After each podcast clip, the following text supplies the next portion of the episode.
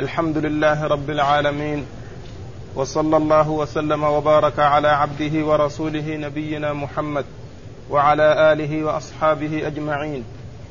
قال الإمام النسائي رحمه الله باب تيمم الجنب وقال أخبرنا محمد بن العلاء قال حدثنا أبو معاوية قال حدثنا الأعمش عن شقيق قال كنت جالسا مع عبد الله وأبي موسى رضي الله عنهما فقال أبو موسى أولم تسمع قول عمار لعمر بعثني رسول الله صلى الله عليه وسلم في حاجة فأجنبت فلم أجد الماء فتمرغت بالصعيد.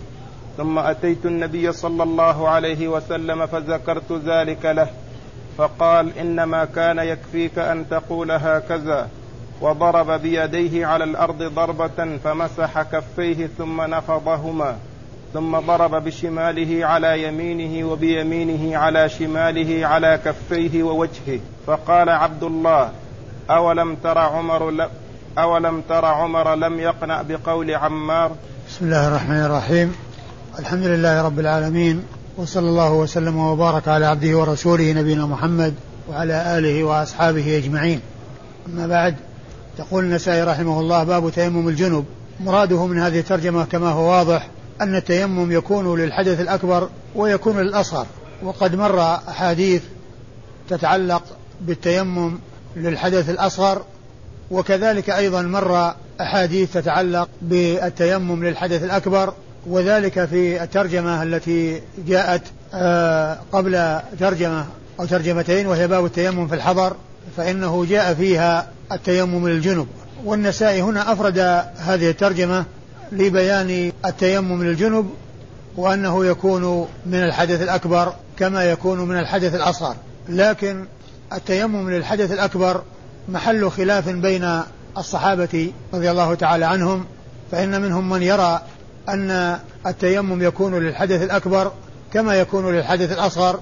دليل على ذلك جاء في الآية الكريمة التي هي آية آه، التيمم وفيها تفسير والمراد من تفسير الملامسة ملامسة النساء هو الجماع وعلى هذا فتكون يكون القرآن دل على التيمم للحدث الأكبر والأصغر.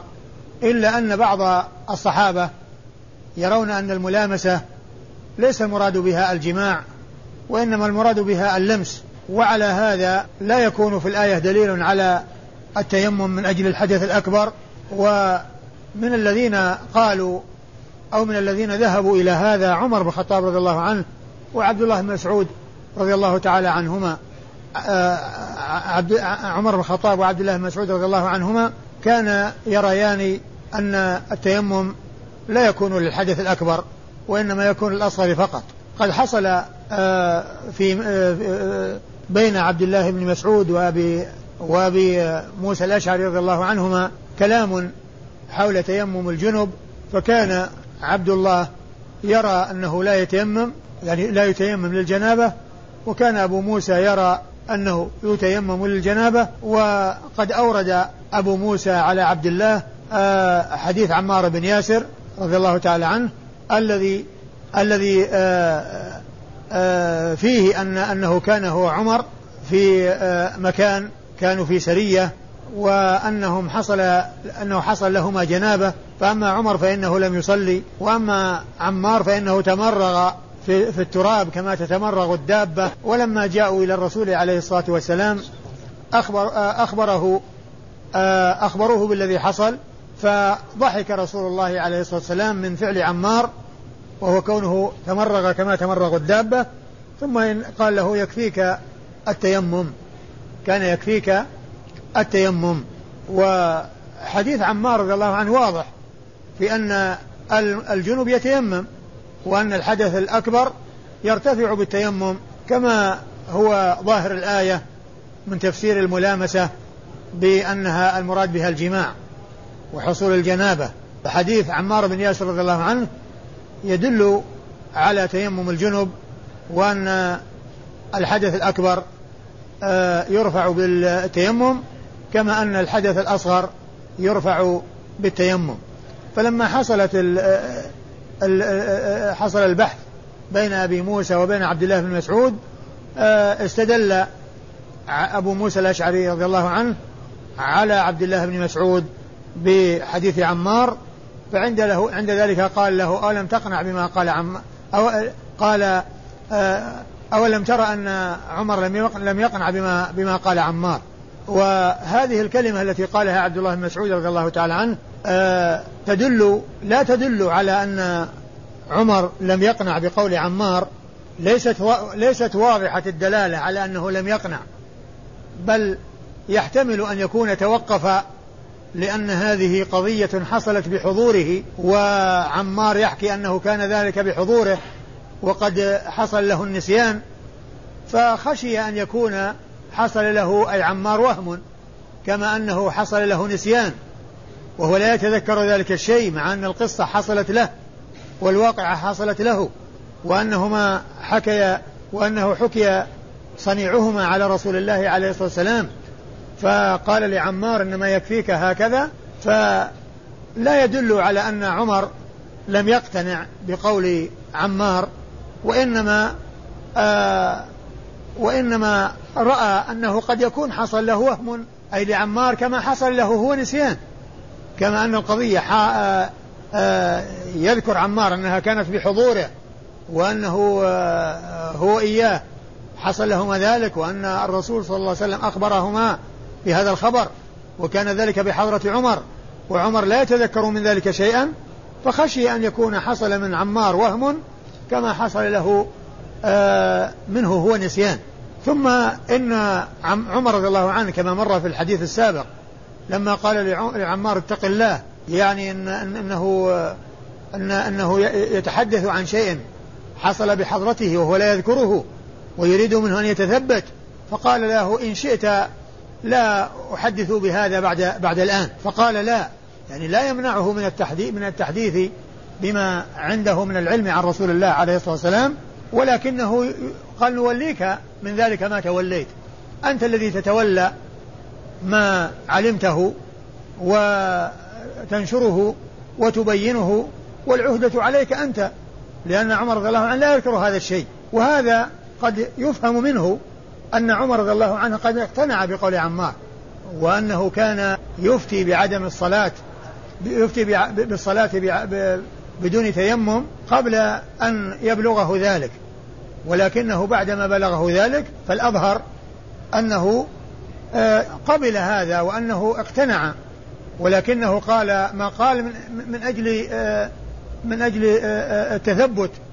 وكان عمر رضي الله عنه وأرضاه معروفا بالحرص على التثبت في الرواية والتثبت في حديث رسول الله عليه الصلاة والسلام بل إنه كان يطلب في بعض الأحيان من الشخص إذا آه، آه، جاء بسنة أو أخبر بسنة أن آه، يبحث أو أن يدل على من يوافقه في ذلك كما حصل في قضية الاستئذان. كما حصل في قضية الاستئذان. فإن فإن هذا يدل على تثبته لا على رد لا على عدم اقتناعه بما يسمعه من الصحابة رضي الله عنهم وأرضاهم. فإنهم كانوا يكتفون برواية الشخص الواحد ويعولون على رواية الشخص الواحد. وهو نفسه عول على رواية الشخص الواحد في قصة في قصة الطاعون. لما ذهب إلى الشام في خلافته رضي الله تعالى عنه وأرضاه ولما وصل في مكان من أرض الشام لقيه أمراء الأجناد. وكان وكانت الشام وقع فيها طاعون. فقال له بعض الصحابة وبعض الجماعة الذين كانوا معه كيف كيف تدخل؟ وكيف تدخل بأصحاب رسول الله عليه الصلاة والسلام في بلاد موبوءة فتعرض أصحاب رسول الله عليه الصلاة والسلام للموت؟ فجلس واستشار الصحابة فاستشار المهاجرين ثم استشار الأنصار ثم استشار مسلمة الفتح ومنهم من يرى أنه يرجع ومنهم من يرى أنه يقدم ولو كان فيها طاعون. ف ومن الذين كانوا يرون بأنه يدخل ولا يرجع أبو عبيدة. ولهذا لما استشار المهاجرين واستشار الأنصار واختلفوا يعني بعضهم يقول ادخل وبعضهم يقول ارجع. ثم في الآخر استشار مسلمة الفتح فأشاروا عليه بالانصراف فرجح ومال إلى هذا وقال إني مصبح على ظهر يعني إلى المدينة يعني معناه في الصباح يعني سيتجه إلى المدينة ويترك آه، دخول الشام. فقال له أبو عبيدة تفر من قدر الله؟ قال لو غيرك لو غيرك قال يا أبا عبيدة نفر من قدر الله إلى قدر الله. نفر من قدر الله إلى قدر الله. ثم إنه بلغه ثم إن عبد الرحمن بن عوف لم يكن حاضرا يعني في ذلك الوقت الذي حصل فيه الكلام. ثم حضر وكان عنده سنة عن رسول الله عليه الصلاة والسلام. عنده حديث عن رسول الله عليه الصلاة والسلام فجاء وأخبرهم بأن الرسول عليه, عليه الصلاة والسلام قال إذا وقع الطاعون وأنتم في بلد فلا تخرجوا منها فرارا منه وإن, وإن وقع فيها فلا تدخلوها. فعند ذلك يعني سر عمر يعني بهذا يعني بما قاله أو بما جاء عن عبد الرحمن بن عوف وكان اجتهاده رضي الله عنه مطابقا لما جاء به هذا الحديث الذي جاء بالحديث الذي رواه عبد الرحمن بن عوف فهو آه، سر بكلام عبد الرحمن بن عوف ويعني وافق اجتهاده رضي الله تعالى عنه وارضاه. فكون عمر رضي الله عنه وارضاه آه، قال ما قال في حق عمر في حق عمار لا يعني أنه لم يقتنع. فيحتمل أن يكون عنده شيء من التردد وسبب ذلك لأنه يحكي أن القضية حصلت بحضور عمر وهو لا يذكر هذا الشيء. نسي فخشي أن يكون وهم آه، اللي هو اللي هو عمار كما حصل له أن نسي ويحتمل وهو الأظهر أن يكون اقتنع بقول عمار ولكنه آه لا يحدث به ولا يعني آه وإنما يحمل ذلك ويولي ذلك من عنده علم فيه عن رسول الله. عليه الصلاة والسلام وهو عمار آه ابن ياسر رضي الله تعالى عنه وأرضاه. فإذا قول آه عبد الله ولم ترى أن عمر لم يقتنع بقول عمار ليس بواضح الدلالة بأنه لم يقتنع وهو محتمل بأنه لم يقتنع وأنه آه آه ظن أن يكون حصل له وهم كما حصل له هو نسيان ويحتمل أن يكون قبل لأنه لما قال شئت لا أحدث قال لا. يعني حدث ولكن يعني نوليك من ذلك ما توليت.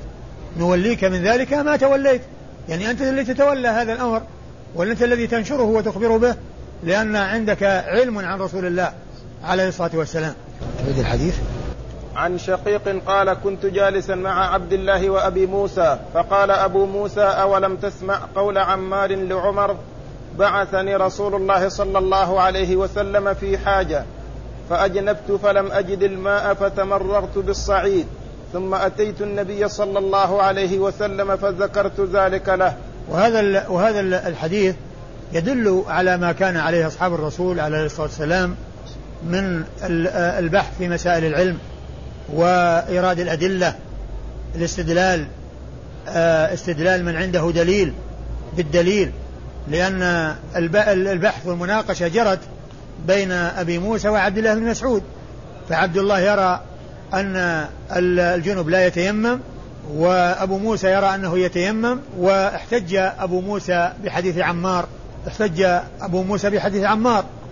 ففي حصول المناقشة في مسائل العلم والبحث فيها بين الصحابة رضي الله تعالى عنهم وأرضاهم وفيه الاستدلال من عنده دليل ومن عنده سنة عن رسول الله عليه الصلاة والسلام بما عنده في ذلك لأن أبا موسى رضي الله عنه وأرضاه أورد له الحديث الذي رواه عمار بن ياسر رضي الله تعالى عنه والذي أورده على عمر آه، رضي الله عنه وذلك في قصة آه، أجنابهما وكون عمار تمرغ كما تتمرغ الدابة. وفيه كما عرفنا من قبل حصول الاجتهاد في زمن الرسول عليه الصلاة والسلام وأنهم كانوا يجتهدون في الأمور النازلة. وإذا لقوا الرسول عليه الصلاة والسلام أخبروه بالذي حصل منهم أخبروه بالذي حصل منهم. ففيه الاجتهاد في النوازل في زمن الرسول عليه الصلاة والسلام. وإذا لقوا الرسول عليه الصلاة والسلام أخبروه بالذي حصل فيخبرهم بما آه بما هو الشرع وبما هو الحق والهدى. وذلك أن كل من عمر وعمار قد اجتهدا أما عمر فإنه اجتهد فلم يصلي وترك أخر الصلاة إلى أن يجد الماء. وأما عمار فإنه قاس ورأى أن ورأى أن التيمم ينوب عن عن الوضوء عند فقد الماء وأنه يحصل به ارتفاع الحدث. فقاس التيمم قاس حالة الجنابة على حالة على حالة آه، رفع الحدث الأصغر. والرسول عليه الصلاة والسلام ضحك من صنيعه هذا وبين له أنه يكفيه أن يتيمم يعني بوجهه وكفيه وأن حكم رفع الحدث الأكبر مثل الحدث الأصغر في التيمم. وفيه كما عرفنا من قبل آه، آه، مشروعية القياس. لأن الرسول عليه, عليه, الصلاة والسلام أقره على القياس في الأصل. ولكن الذي آه الذي آه عيب عليه أو الذي لم يوافق عليه كونه قاس حالة ال حالة التيمم على حالة الاغتسال وأنه يعمم الجسد في التيمم كما يعمم في الاغتسال. ولكن هذا القياس كما هو معلوم أيضا غير واضح من جهة أن رفع الحدث الأكبر الأصغر ليس فيه استعمال استيعاب أعضاء الوضوء. ليس فيه استعمال التيمم في الرجلين ولا في اليدين إلى المرفقين ولا على الرأس وإنما في الوجه والكفين فقط. فإذا القضية ما هي قضية قياس؟ لأن لو كان القضية قضية قياس لكان المسح لكان التيمم يكون لأعضاء الوضوء كلها. وعند ذلك يمكن أن يكون القياس صحيح في حق آه الذي فعله عمار. لكن الأصل المقيس عليه وهو التيمم الذي قيس على الذي هو بدلا عن الوضوء ما كان التيمم لأعضاء الوضوء كلها وإنما كان لبعضها. إذا يختلف حكم التيمم عن حكم الوضوء فكذلك يختلف حكم التيمم عن حكم الاغتسال وأنه لا يكون التيمم يوافق الاغتسال بحيث يكون آه، يعمم الجسد بالتراب كما يعمم الإنسان جسده بالماء. الحديث فيه حصول الاجتهاد في زمن الرسول صلى الله, صلى الله عليه وسلم ولكنهم يرجعون إلى الرسول عليه الصلاة والسلام فيخبرهم بما هو السنة التي يبينها لهم رسول الله صلوات الله وسلامه وبركاته عليه. أيوة. فقال صلى الله عليه وسلم إنما كان يكفيك أن تقول هكذا وضرب بيديه على الأرض ضربة فمسح كفيه ثم نفضهما ثم ضرب بشماله على يمينه وبيمينه على شماله على كفيه ووجهه. يعني وكان وكان ال ال الأرض يعني ال التي حصل فيها يعني التيمم أو الذي للتعليم يعني كان فيها غبار كثير ولهذا يعني آه، نفض يعني حتى يخف. وهذا مثل ما جاء في بعض الروايات النفخ من أجل تخفيف يعني ما علق باليدين من الغبار. وقد جاء في بعض الروايات كما عرفنا ذكر النفخ وفي بعضها ذكر النفض وفي بعضها لم يذكر شيء من ذلك. ويكون هذا محمولا على ما إذا كانت الأرض فيها غبار كثير وعلق باليدين. فأريد تخفيفه بالنفخ أو النفض وإذا كانت الأرض ليس فيها شيء من ذلك فإنه لا يحتاج الأمر لا إلى نفخ ولا إلى نفض وإنما يحصل التيمم. فقال عبد الله أولم ترى عمر لم يقنع بقول عمار؟ فقال عبد الله يعني مجيبا لعبد لأبي موسى الأشعري أولم ترى عمر لم يقنع بقول عمار؟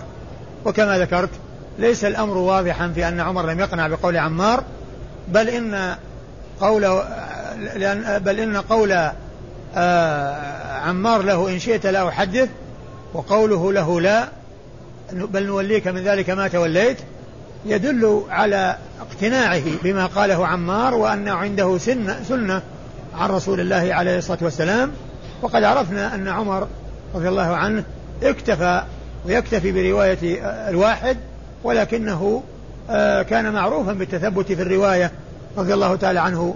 وأرضاه. الإسناد؟ قال أخبرنا محمد بن العلاء. قال النسائي أخبرنا محمد بن العلاء. ومحمد بن العلاء هو محمد بن العلاء بن كريب الهمداني الكو الكوفي وهو أبو كريب كنيته أبو كريب. وهو مشهور بكنيته. وأحيانا و ومسلم آه، يروي عنه كثيرا ويأتي به بالكنية ويسميه قليلا. والبخاري بعكسه فإنه يذكره باسمه ويكنيه قليلا. والنسائي هنا ذكره باسمه ونسبه وهو أبو كريب مشهور بكنيته وهو ثقة خرج حديثه أصحاب الكتب الستة. وهو ثقة خرج حديثه أصحاب الكتب الستة. وكنيته توافق آه اسم جده. لأنه محمد بن العلاء بن كريب أبو كريب. محمد بن العلاء بن كريب أبو كريب. قال حدثنا أبو معاوية. قال حدثنا أبو معاوية. وأبو معاوية هو محمد بن خازم الضرير الكوفي وهو ثقة خرج حديثه أصحاب الكتب الستة وهو مشهور بكنيته ويأتي ذكره باسمه وذكره بكنيته ولكنه مشهور بالكنية أبو معاوية وهو محمد بن خازم الضرير كوفي ثقة خرج له أصحاب الكتب الستة. خرج له أصحاب الكتب الستة. حدثنا الأعمش. حدثنا الأعمش. والأعمش هو سليمان بن مهران الكاهلي وهو مشهور والأعمش لقبه ومشهور بلقبه ومشهور بلقبه ومعرفة ألقاب المحدثين مهمة. كما أن معرفة كناهم مهمة وفائدة ذلك أن لا يظن الشخص الواحد شخصين. إذا ذكر مرة باسمه ومرة بكنيته أو مرة بلقبه من لا يعرف يظن أن هذا شخص آخر. إذا ذكر مرة بالكنية ومرة بالاسم ومن يعرف أن هذه الكنية لفلان مثل أبو معاوية كنية لمحمد بن خازم. والأعمش لقب لسليمان بن مهران الكاهلي. فإذا ذكر فإذا عرف عرفت الكنى وعرفت الألقاب.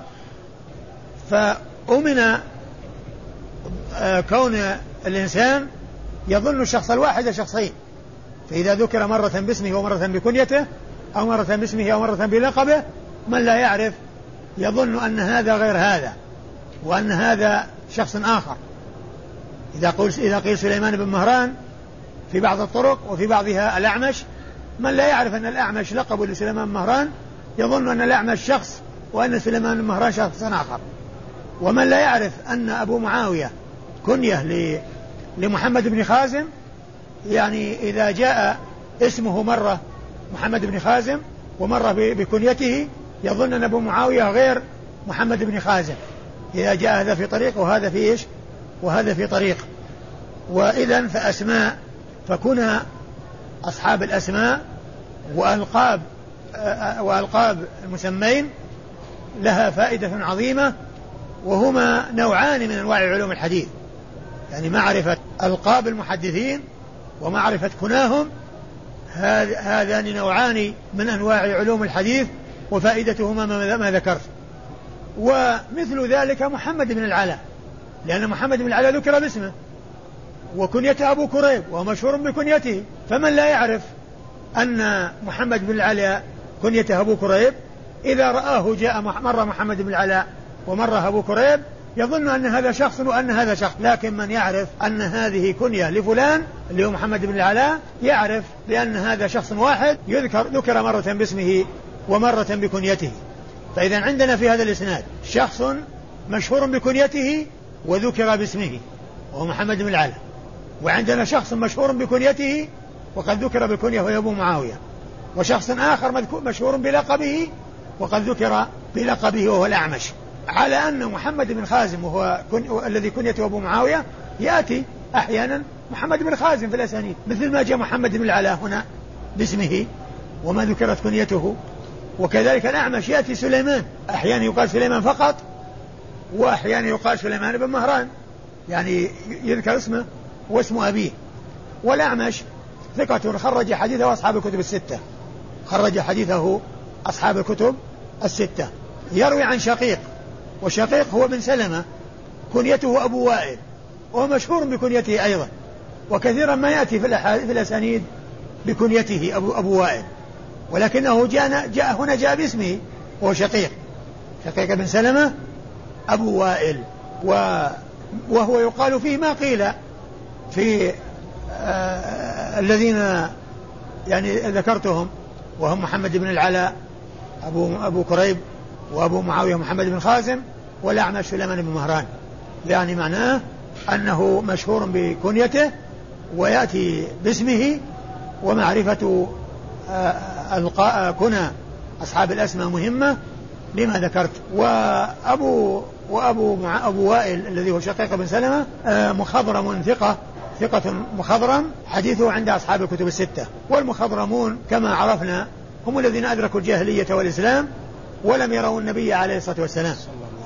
أدركوا زمن الجاهلية وكانوا كبارا في زمن الرسول عليه الصلاة والسلام ولم يتيسر لهم أن لقوا النبي عليه الصلاة والسلام. فلم يظفروا بشرف الصحبة يعني لم يلقوا النبي عليه الصلاة والسلام ولا مرة واحدة ولا مرة واحدة.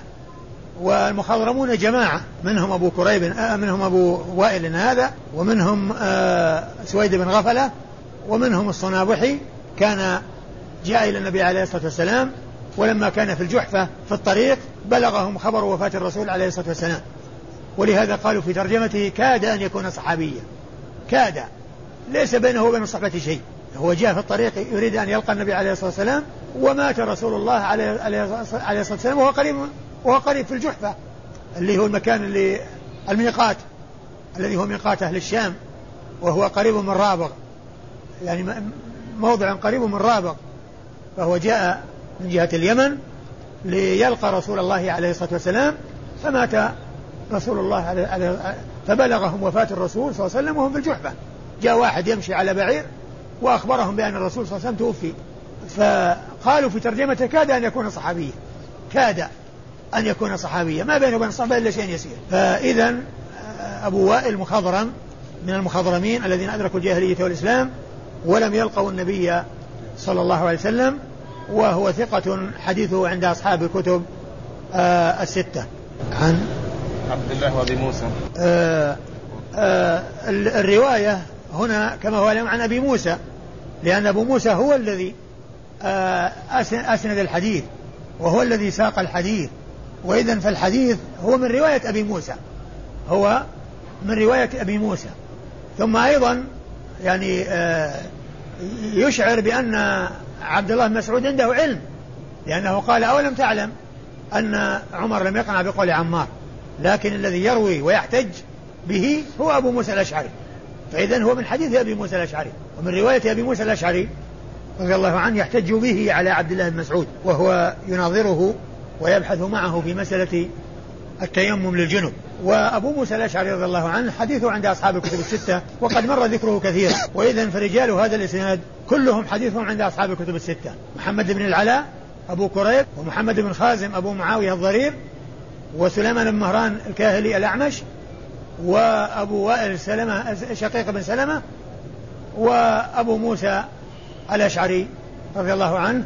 هؤلاء الرواة الخمسة كلهم آه، روايتهم عند عند أصحاب الكتب الستة. محمد بن العلاء أبو كريب أبو معاوية محمد بن خازم الضرير سليمان بن مهران الكاهلي الأعمش آه، شقيق بن سلمة أبو وائل أبو موسى الأشعري. ومن دون الصحابي كلهم ثقات. ومن دون الصحابي كلهم ثقات.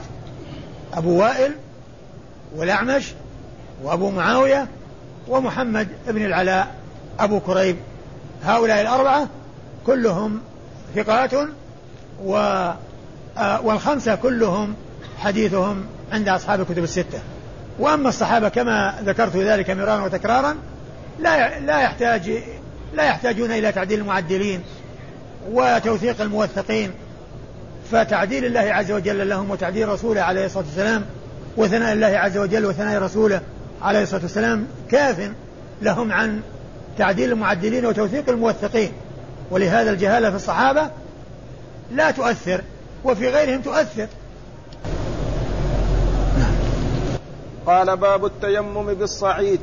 وقال أخبرنا سويد بن نصر قال حدثنا عبد الله عن عوف عن أبي رجاء قال سمعت عمران بن عمران بن حسين رضي الله عنه قال إن رسول الله صلى الله عليه وسلم رأى رجلا معتزلا لم يصل مع القوم. فقال يا فلان ما منعك أن تصلي مع القوم؟ فقال يا رسول الله أصابتني جنابة ولا ماء. قال عليك بالصعيد فإنه يكفيك. ثم أورد النسائي باب التيمم بالصعيد. باب التيمم بالصعيد. باب التيمم بالصعيد. والمراد بالصعيد هو ما يتصاعد من الأرض على وجه من على وجهها من التراب ما يتصاعد منه بمعنى أنه يضرب عليه بيده ثم يتصاعد على يديه شيء من الأرض فيمسح به وجهه وكفيه. ف النسائي أورد هذه الترجمة باب التيمم بالصعيد والحديث يدل على التيمم للجنابة فهو دال على ما دل عليه حديث عمار يعني حديث عمران بن حسين رضي الله عنه دال على ما دل عليه حديث عمار بن ياسر من التيمم من الجنابة فحديث عمار واضح الدلالة في التيمم للجنابة وحديث عمران بن حسين أيضا واضح الدلالة على على ذلك. الرسول عمران بن حسين رضي الله عنه يروي عن رسول الله على يروي أن أن الرسول عليه الصلاة والسلام رأى رجلا معتزلا يعني جالس في جانب معتزلا الناس والناس يصلون وهو لا يصلي. فقال له ما لك؟ يعني هذا شيء يلفت النظر. ما لك؟ يعني لم تصلي مع الناس. فقال إنني أصابتني جنابة ولا ماء. أصابتني جنابة ولا ماء. ففهم أنه يؤجل حتى يحصل الماء. يعني مثل ما حصل لعمر رضي الله عنه وأرضاه. أنه حصلت له جنابة ولم يصلي في انتظار تحصيل الماء. فالنبي عليه, الصلاة والسلام قال عليك بالصعيد فإنه يكفيك. عليك بالصعيد. يعني تيمم وصلي. ولا تؤخر الصلاة. تيمم وصلي. ولا تؤخر الصلاة. فدل هذا على ما دل عليه حديث عمار. من أن الجنابة لأن رفع أن رفع الحدث الأصغر الحدث الأكبر يكون أيضا بالتيمم. كما يكون كما يرفع الحدث الأصغر بالتيمم فكذلك يرفع الحدث الأكبر بالتيمم. ولا تؤخر الصلاة لعدم وجود الماء. بل بل التيمم يحل محل الماء ويأتي بدل الماء سواء في ذلك رفع الحدث الأكبر وفي وفي وكذلك الحدث الأصغر. كلها على حد سواء. ف يعني في الحديث دلالة على أن من وجد منه ما يعني ما ينكر فإنه يسأل وأنه ينبه يعني حتى يتبين يعني عذره. فإذا كان فإذا فإذا كان آه ذلك الترك لسبب فإنه يبين له آه يبين له الحكم كما حصل من رسول الله عليه الصلاة والسلام. ومثل هذا الذي حصل يعني من كونه رأى هذا الرجل المعتزل على جانب والناس يصلون وهو لا يصلي وسأله وأخبره بالذي حصل مثل ذلك ما جاء في الحديث أنه كان في مسجد الخير وكان يصلي, يصلي بالناس الصبح في منى. فلما صلى وإذا رجلين جالس جالسان في ناحية فدعا بهما فأتي بهما ترتعد فرائصهما يعني من من الاضطراب. يعني ما يدرون الرسول ليش دعاهم يعني فهم خائفون. فأتي بهما ترتعد فرائصهما. قال ما لكما لم تصليا؟ قال إننا صلينا في رحال يعني جاءوا وقد صلوا وإذا الرسول ما صلى فهم لكونهم قد صلوا جلسوا فالرسول عليه عليه الصلاة والسلام قال إذا صليتما في رحالكم رحالكما واتيتما واتيتما والامام يصلي لم يصلي فصلي معه تكن لكما نافله فصلي معه تكن لكما نافله يعني ما الواحد يجلس والناس يصلون. يعني وإن كان قد صلى فإنما عليه أن يصلي مع الناس. الإنسان إذا صلى ثم أدرك جماعة لا يجلس. والناس يصلون وإنما يصلي معهم تكون نافلة. ولو كان هذا أيضا في أوقات النهي لأن صلاة الفجر بعدها وقت نهي. والرسول أذن لهما بل أمرهما بأنهما إذا أدرك الإمام ليصلي فليصلي معه. وقد أنكر عليهما ذلك لكونهم ما دخلوا معه في الصلاة والصلاة صلاة الفجر. وإذا فمعنى هذا أنهم يؤدون أنهم يصلون الجماعة نافلة في وقت النهي ولكنه رخص لهم في ذلك. فإعادة الجماعة مثل يعني جماعة يصلون العصر والإنسان قد صلى العصر وجاء يصلي معهم. أو الناس يصلون الفجر وقد جاء وقد صلى فيصلي معهم. فذلك من النفل الذي جاء الدليل يعني يدل على أنه سائغ وجائز. لأن الحديث وقع في صلاة الفجر. وقال ما لكما؟ قال إننا صلينا في رحالنا. قال إذا أتيتما والإمام يصلي فصليا معه. فكن لكما نافلة. فهنا استفسر من هذا الرجل وأخبره بأنه كان على جنابه وأنه لم يجد الماء. فقال عليه الصلاة والسلام عليك بالصعيد فإنه يكفيك. والصعيد هو الغبار المتصاعد من التراب عندما يضرب الإنسان عليه وهو ما يكون على الأرض من آه يعني من من الغبار الذي إذا ضرب عليه الإنسان يتصاعد. الذي إذا ضرب عليه الإنسان بيده يعلق بيده شيء مما على وجه الأرض. الإسناد قال أخبرنا سويد بن نصر. يقول النسائي أخبرنا سويد بن نصر. وسويد بن نصر هو المروزي وهو ثقة خرج حديثه الترمذي والنسائي.